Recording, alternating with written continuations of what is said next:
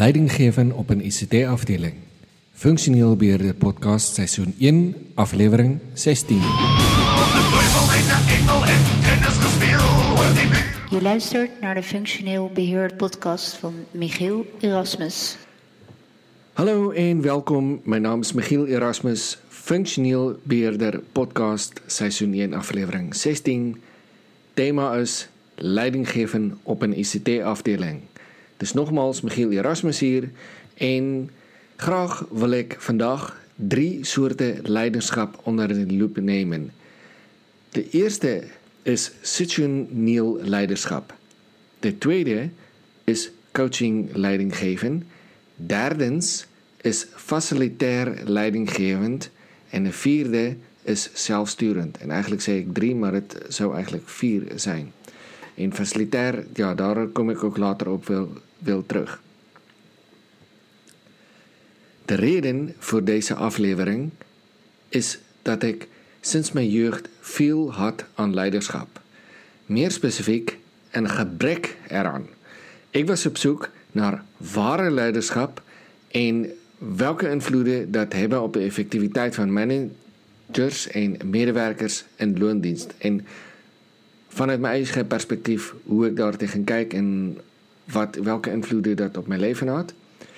Zelf was ik opgegroeid op een boerderij in Zuid-Afrika in een zwaar christelijk gereformeerde omgeving waar leidinggeven eigenlijk een van drie vormen was. Het was ten eerste zondag in de kerk, angst en verdoemenis. Tweede was op school met leraren die naar eigen inzicht lijfstraf mogen toedienen. En derdens thuis overheerst vader met een onderdanig en gehoorzame moeder. Eigenlijk een soort van narcisme. Ja, mensen, ik weet misschien willen jullie dit allemaal niet horen in een functioneel beheer podcast, maar we hebben allemaal ons dingen meegemaakt en eh, daarom wil ik ook vandaag wat dingen delen. Meer specifiek rond leiding geven. De afgelopen 20 jaar was ik op werk onbewust aan het evalueren wie een goede leider zou zijn.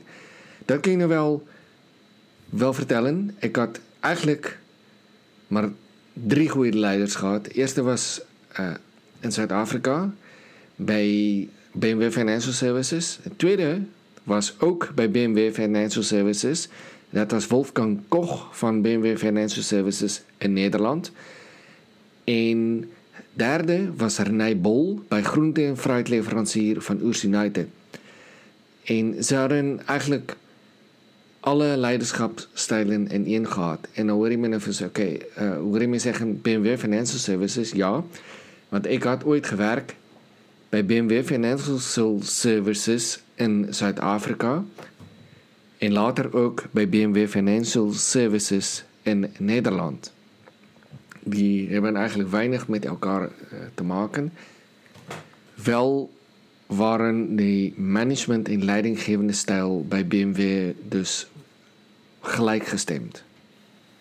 En nogmaals, graag wil ik jullie erop wijzen dat dit podcast uit mijn eigen ervaring is en hoe ik zelf dingen heb waargenomen. Laten wij de vier leiderschappen zijn stijlen even nader toelichting in het algemeen. En dan nou kijken hoe zij op afdeling ICT zichtbaar is vanuit een functioneel beheerder perspectief. Wij beginnen met situationeel leiderschap. En hierbij roep, beroep ik mij op Wikipedia. In situationele benadering wordt het gedrag van de leidinggevende gekoppeld aan waarneembare gedrag van de individuele medewerker. Per situasie past een leidinggevende zijn stijl van leidinggeven aan. Binnen situationeel leiderschap is situational control een belangrijk begrip. Het verwijst naar de mate waarin leidinggevenden in staat zijn om het gedrag van hun medewerkers te beïnvloeden. Het gedrag van de medewerkers te observeren en door het eigen gedrag op individuele basis aan te passen, is het voor de leider mogelijk om met vrij groot zekerheid te voorspellen wat het resultaat is van zijn ingrijpen. Nou, ik kan mij niet echt herinneren dat ik hier echt iets heb uh, te maken gehad. Want niet in Nederlands. Want uh, hier wordt veel, veel, veel op een groepsbasis gestuurd. En nee, ik kan me eigenlijk hier niet zoveel aan, aan herkennen. De volgende vorm is coachend leidinggeven. Hiermee wordt bedoeld dat een manager luistert en samenwerking stimuleren.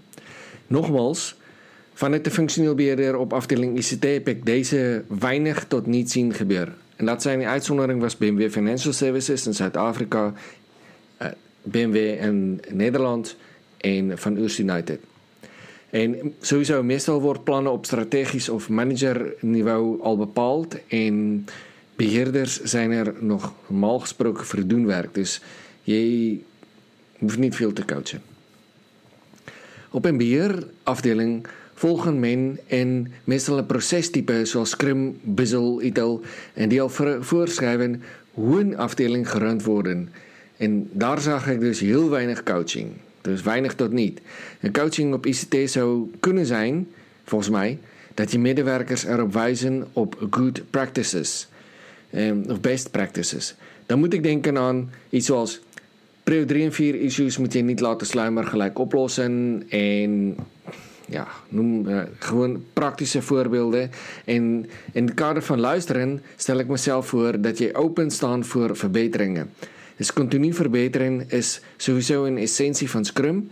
En met je als bedrijf niet was begonnen met Scrum, hebt, dan zou de leidinggever, leidinggever weinig coaching hoeven te doen. Uh, want Scrum heeft op zich al regels waarin je moet inhouden, waarin van die per sprint een bruikbaar product moet opleveren. Dus eigenlijk Scrum is een zelflerend systeem, leer uit ervaring. Je moet uh, per aan de regels houden en dat is dus uh, die product opleveren. En iedereen, ja, daar, daar zie ik mezelf ook weinig, weinig van nut voor een coach. Voor, voor, behalve natuurlijk, zoals ik net zei, dat je dan een scrum, scrum coach, agile coach gaat inhuren. En een leidinggevende of scrum master kan hooguit de teamleden oproepen om stories af te maken, zodat de sprints wel goed afgerond worden. Dat kan een melding zijn tijdens een stand-up of voor een planning of pokersessie. En teams met wel veel werkervaring is coaching bijna overbodig. Het is dus, stel die staan aan het eind van de coaching van, ja, van de pokersessie bijvoorbeeld, dan kun je zo kunnen zeggen van, ja, men, uh, wij hebben ons laatste sessie niet gehaald, wij moeten echt wat stories afronden. Ja, en het is zo makkelijk als dit. Dus dat, uh, je echt letterlijk binnen drie seconden zeggen.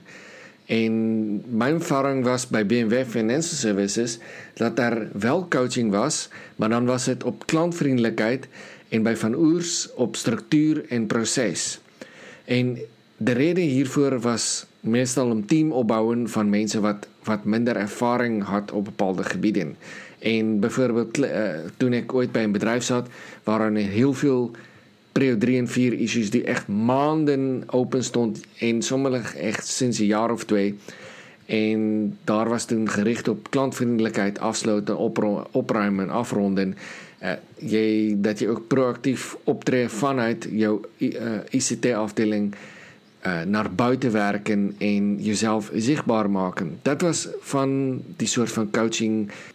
En qua leidinggeven waren dat mijn enige ervaring met coaching leiding, leidinggevende. En ja, de derde vorm is delegeren. Dat betekent dat een team of een individu kaders krijgen waarin de taken zelf mogen invullen. En dat is net nogmaals mijn interpretatie van en zo heb ik het ervaren. En met name de structuur en orde van uitvoer uh, zit je dan in, in de taken. En je takenomschrijving, stel dat je je taakomschrijving moet gaan doen als een vacature. En dan zou de kaders waarin, waarin je functioneert, zou die taken zijn van, je, van jouw vacature. Stel nou, die vacature zegt iets als: je valideert en test door de hele keten heen of de opgeleverde functionaliteiten conform de requirements werken. Wat er dan aan jou gedelegeerd is, is het testwerkzaamheden. Ben gaat ervan uit dat jy weet dat daar testcases moet zijn, dat jy byvoorbeeld functioneel testen namens 'n eindgebruiker doet en dat jy dit weet en dat jy die testresultate in 'n registrasiesisteem soos Jira of Topdesk uh, gaan aanmelden en dat jy met derde lyn afspreken over releases. Dat almal word na jou as funksioneel beheerder gedelegeerd. Maar natuurlik soos ek sê, nie alleen funksioneel beheer, jy kan ook 'n kommunikasieafdeling zijn. En in dit geval ga ek over iemand wat operasioneel besig is uh en gewoon sy werk moet gaan doen. Er word implisiet verwag dat jy rapporteer oor kommunisering en oor vooruitgang. Er word aangenome dat jy almal al weet en kunne. Dit delegering is myns insiens en dit is eintlik tegenpool van coaching want by coaching sou iemand kunnen vertellen over wat hy moet gaan doen byvoorbeeld over die klantvriendelikheid. Ja, we wil klantvriendelikheid zijn dus we moeten outwards treden, we moeten met ons klant kontak soeken, we moeten meetings maken met verschillende afdelingen en Pietje jy gaan dat doen, uh Keisje jy gaan dit doen en Willem wat wil jy doen? Dus op die manier kan jy dan delegeren eers die Eh, met met coaching soos hy dis die die manager kom met 'n strategiese idee. Hy delegeer 'n bepaalde take na medewerkers die dit uh, dan uh, gaan uitvoer en se bepaal self hoe sy dit doen. Dit uh en delegering is eintlik ook nie uh, so nodig in selfsturende teams want in neem byvoorbeeld 'n scrum team waar ek onlangs heb gewerk 'n paar projekte die mense weet wat gewoon wat sy moet doen. Die een is 'n funksioneel uh, funksioneel beheerder, die ander is 'n tester, die ander persoon is 'n die uh, front-end ontwikkelaar. En elke persoon weet gewoon wat hy moet gaan doen. Dus as jy geen ervaring het, uh, sou jy ook in dat team omgewing nie uh, funksioneer en jou take zijn implisiet al gedelegeer. Dit staat in die funksie-omskrywing. En team enige wat leidinggewer kan doen is sorg dat jy bekwame mense hebben in jou team sodat uh, ze binne die kaders kunnen functioneren. Nu vraag ik mezelf af welke coachingstyl ervaar jy op werk of mocht jy als 'n leidinggewende luister, byvoorbeeld jy scrum master of jy bent 'n afdelingshoof of so iets, welke soort coaching of leidinggewing pas jy toe? Of heb jy 'n selfsturende team?